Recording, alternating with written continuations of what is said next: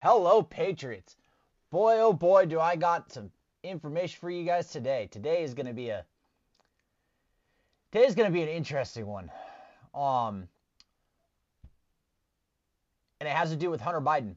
So, Hunter Biden today was called for a closed door hearing to be questioned um, about his dealings with his father and uh, the whole linking together uh, of their accounts and uh, trying to hear some testimony directly from him. Uh, he was requested and uh, subpoenaed, and he decided that instead of showing up there, he was going to go across to the hill and he was going to testify, or not testify, but go and talk to some reporters over there. And he did. Um, however, that is the absolute ultimate sign of disrespect. He is by far showing his true colors and that he feels that he is holier than now because his father is the president of the United States. Let me let me be uh, clear. Uh, he's going to be held in contempt of Congress. Um, that's what's going to happen. Uh, I've already uh, read in, I believe it was Politico, that he is going to be held in contempt of Congress and they're going to uh, uh, hold contempt of Congress hearings. Good. Um, they need to hold him accountable and they need to get to the bottom of what's been going on with his dealings with China, his dealings with Ukraine, and then his father being linked in on the accounts and uh, all that proof that is actually there. Um, so he goes across the street to the hill, and when he talks to these reporters, he tells the reporters that, uh, and I quote, that they have the that Republicans have been slandering his name. Um, that was paraphrased a little bit. I know I said and I quote, but uh, it's gonna be a little bit paraphrased. But he said they have been slandering, basically slandering his good name, um, making fun of his sobriety, and uh, just all around being mean to him, which isn't which isn't entirely not true. It's some of it's true. However, good. He's a he's a scumbag. Okay? Straight up, he's a scumbag. Um, hey, how's your kid doing, Hunter? Right? Slandering your good name? Someone that's going through sobriety? I've been sober 10 years. Okay? You're supposed to come out on the other end a better person. Why don't you go take care of your kid? Okay? It's that simple. You have the audacity to not show up when you have been deposed and then you want to go over there and try to slander or actually talk bad about the people that are trying to hold you accountable. You're the ultimate scumbag. Period. You're a piece of garbage. I do not understand why people that are in politics think it is okay, and people's parents that are in politics think it is okay to essentially try to skirt the law, not show up for their responsibilities, and feel that they are above the law because their father's the president. And that's exactly what this is. He is a spoiled little rich kid. Period. He's a grown man, but he's a kid. We saw you soil your name in those photos that were on the laptop. Remember the laptop? Remember the laptop that you had? Right? The one that you were so drugged out that when you left it at the um at the electronics place to get worked on, you left it there for months and months and months, and then uh, they turned it in, and then it got inspected. Right? That was all real. It's come out that it's actually real. You smoking crack? That was real too. The holier than now attitude from politicians, politicians' kids, all these rich people is absolutely the most obnoxious thing and the most scumbag thing you can possibly do. If that was me, I'd be in jail. If that was Trump's kids, it would be an absolute political slaughter right now in the fake media. But instead, oh, he's going to get deposed, or he's going to get, uh, there's going to be a contempt of Congress proceeding started. Good. I hope he gets held accountable. Probably not going to. Nothing's going to happen. I cannot tell you how frustrating it is for me seeing this time and time and time again. It's absolutely sickening and it's disgusting. It is okay to hold people accountable. It is not okay to hold people accountable and then not hold the other people accountable that deserve it as well because they're rich or their daddy's the president of the United States.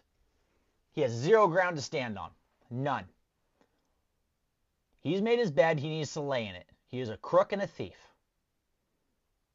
Period. I find it very, very interesting that they found absolutely nothing with the Russia Gate, all this stuff in the past. They found zero evidence. They found out all those things were fake, the dossier, all that stuff but they start discovering stuff that's real on Hunter Biden and the Biden family. And then they have the audacity to come back and say he's just not going to show up when he's right across the street. It's foul and disgusting. Show up for your responsibilities.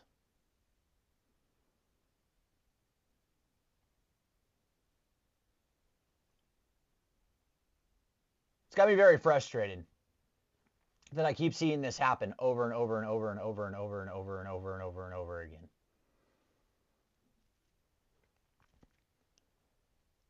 So instead of coming out and spitting in the face of everybody, how about you just man up? How about Hunter Biden just mans up? and actually does what he needs to do. Comes in, gives testimony, and doing it behind closed doors would have actually been a lot better so they could actually get the truth unfiltered instead of people coming up and giving speeches during an actual deposition.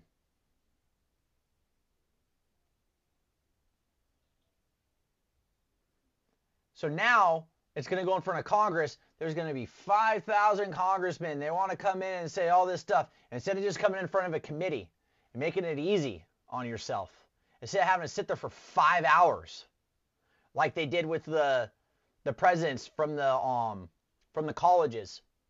And boy, what a show that was, right? Five hours. So instead, you could just sit in a room with a few people. Now you got to sit in a room with hundreds of people holier than now. That's what it is. You think you're better than everybody else. You think the law doesn't apply to you because your daddy's the president. That's it. Ultimate sign of disrespect. I can't think of any anything worse right now at this point in time. I really wish, truly, I really wish that we hadn't got away from holding people accountable. Nixon, right? He may have screwed up, but at the very least, at the very least, he knew what was coming down the pipeline. He knew he was going to get impeached, and he was probably going to get taken out of office by the Senate. Now they don't have to worry about that because even if someone does do something wrong, right? Now, even if someone does something wrong, they'll impeach them, but then the Senate's run by somebody else, so they'll vote down party lines. So even if they do figure this out with Biden, and they do find out that he actually was doing what he was doing while he was the vice president or in between his vice presidency and his presidency was illegal, they're not going to do anything about it. You know why? Because they're going to vote down party lines, even if they're wrong. So all the stuff that's going on with his son, with Hunter Biden, nothing's probably going to even come of it anyways, right? Or maybe it will. I highly, highly unlikely though. Highly, highly unlikely. But you know, maybe maybe one could wish. Probably not.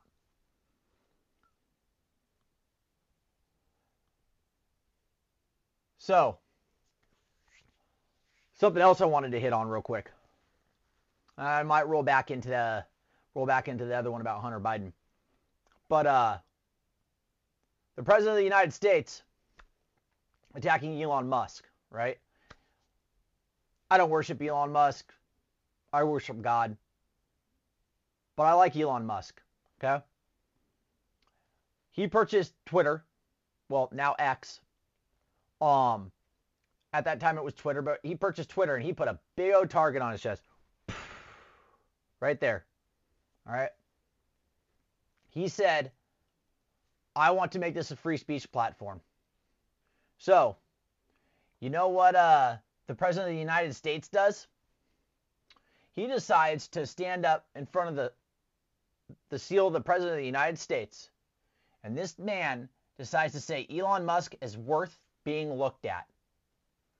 And then when he was pressed by a reporter to explain how the government would look into Elon Musk, President Biden remarked, There is a lot of ways. There certainly are. So you know what that is? You know what that's saying? That's find something.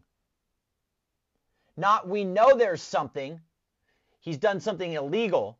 There's go and look for something illegal so we can get him in trouble. So we can find something for taxes. Right now, they're sending the FCC after him.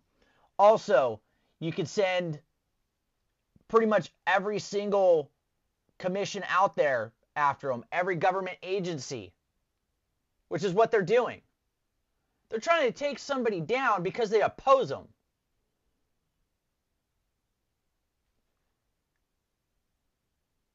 This is downright, plain flat out, a political attack.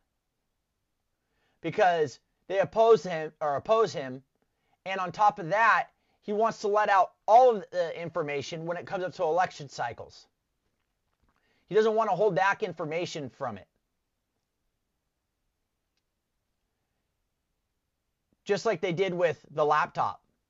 And they suppressed all that information. We knew about the laptop. Conservatives, people on the right, we all knew about the laptop. But I still talk to people this day that had no idea about any of that because they didn't follow the same channels I followed. So since I didn't follow, or since they didn't follow those channels, they never found out about any of that stuff because it was suppressed so much.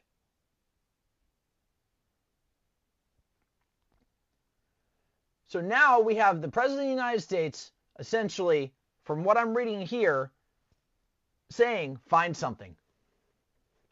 Find something to go after Elon Musk. Hmm. That's interesting. So then also, if you act, actually read this, the dissenting statement of Commissioner Brendan Carr, by the way, okay? First, the FCC revokes Starlink, eight, or Starlink's 885 million award by making up an entirely new standard of review that no entity could ever pass, and then applying that novel standard to only one entity, Starlink. In particular, FCC law provides that a winning bidder, like Starlink, must demonstrate that it is reasonably capable of fulfilling its end of the bargain and it's struck with the FCC or that it struck with the FCC back in 2020. In this case, that means Starlink needed to show that it was more likely than not that Starlink could provide high speed internet service, specifically low latency, um, to at least 40% of those, roughly 640,000 rural premises by December 31st, 2025. Starlink did exactly that in a voluptuous series of submissions that it filed with the FCC through 2021 and 2022. Indeed, the record leaves no doubt that Starlink is reasonably capable of providing qualifying high-speed internet service to the required number of locations by the end of 2025. The Commission's decision does not even grapple with that evidence. It simply ignores it. So because Elon Musk and it doesn't say in those exact words, but because Elon Musk is going against the President of the United States, the FCC has now decided to revoke Starlink. That's that's the writing on the wall. Okay? That's what I'm seeing here. And that's what I'm reading right now. I'm just reading between the lines. Maybe I'm right, maybe I'm wrong. But that's what I think, and that's what I see here. Okay? I see Elon Musk company providing what it needs to help people out in rural areas. That's all he wants to do is help people. Sometimes helping too much gets you in trouble. Just like right here. He just wants to help people. He wants to make some money doing it. Okay? That's the country we live in. And that's how that works. All right? Capitalism. But ultimately, it would bring internet to rural areas that don't have the ability to have internet. But instead, FCC gives zero explanation and they pull the um the award by making up a new standard.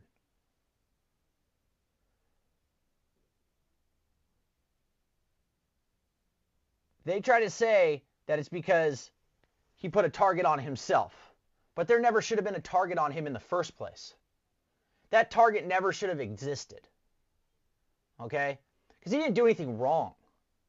He purchased an absolute garbage platform with garbage human beings on it, okay, that was censoring everybody. And I'm not talking about everybody being garbage on there, but there was a good portion that were getting away with all kinds of stuff on there. But then on the other side of the aisle, there were people that were doing exactly the same thing as the other ones because they had a different or different view. They were getting censored. Okay? People were getting kicked off. People like my father were kicked off of there. I never had a problem because I never really used it. I never really liked Twitter in the or well at that time Twitter in the first place now X, but I do use X now because I knew Twitter was an absolute cesspool. Okay? And all people do is argue on there. And if I were to ever tweet something nowadays, it would be for the podcast. And that's it.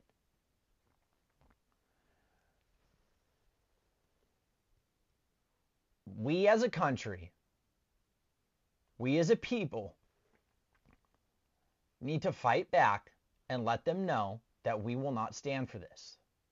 And the way we do that is by going to the polls in 2024. Okay? And matter of fact, going to the polls, period. We have to vote. Okay? We have to. You can't sit out a vote. Hey, guess what happened? Jacksonville, Florida. I live in Florida. Okay? Jacksonville, Florida ended up with Donna Deegan.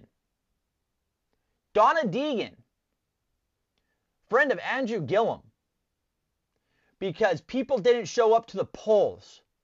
We have a majority in, in Jacksonville, Florida for the Republican Party. We have more registered voters. And guess what happened?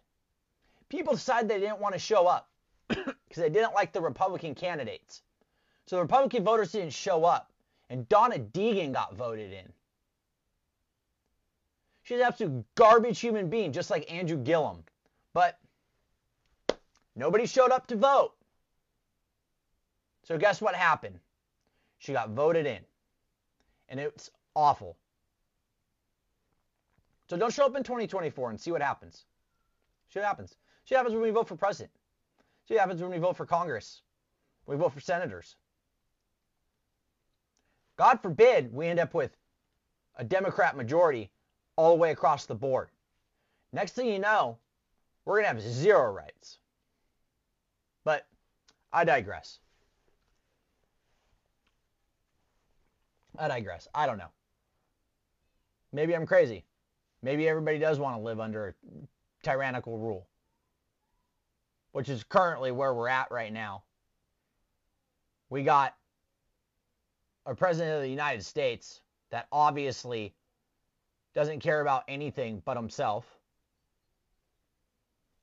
Sure seems like he was under the thumb of the of the CCP.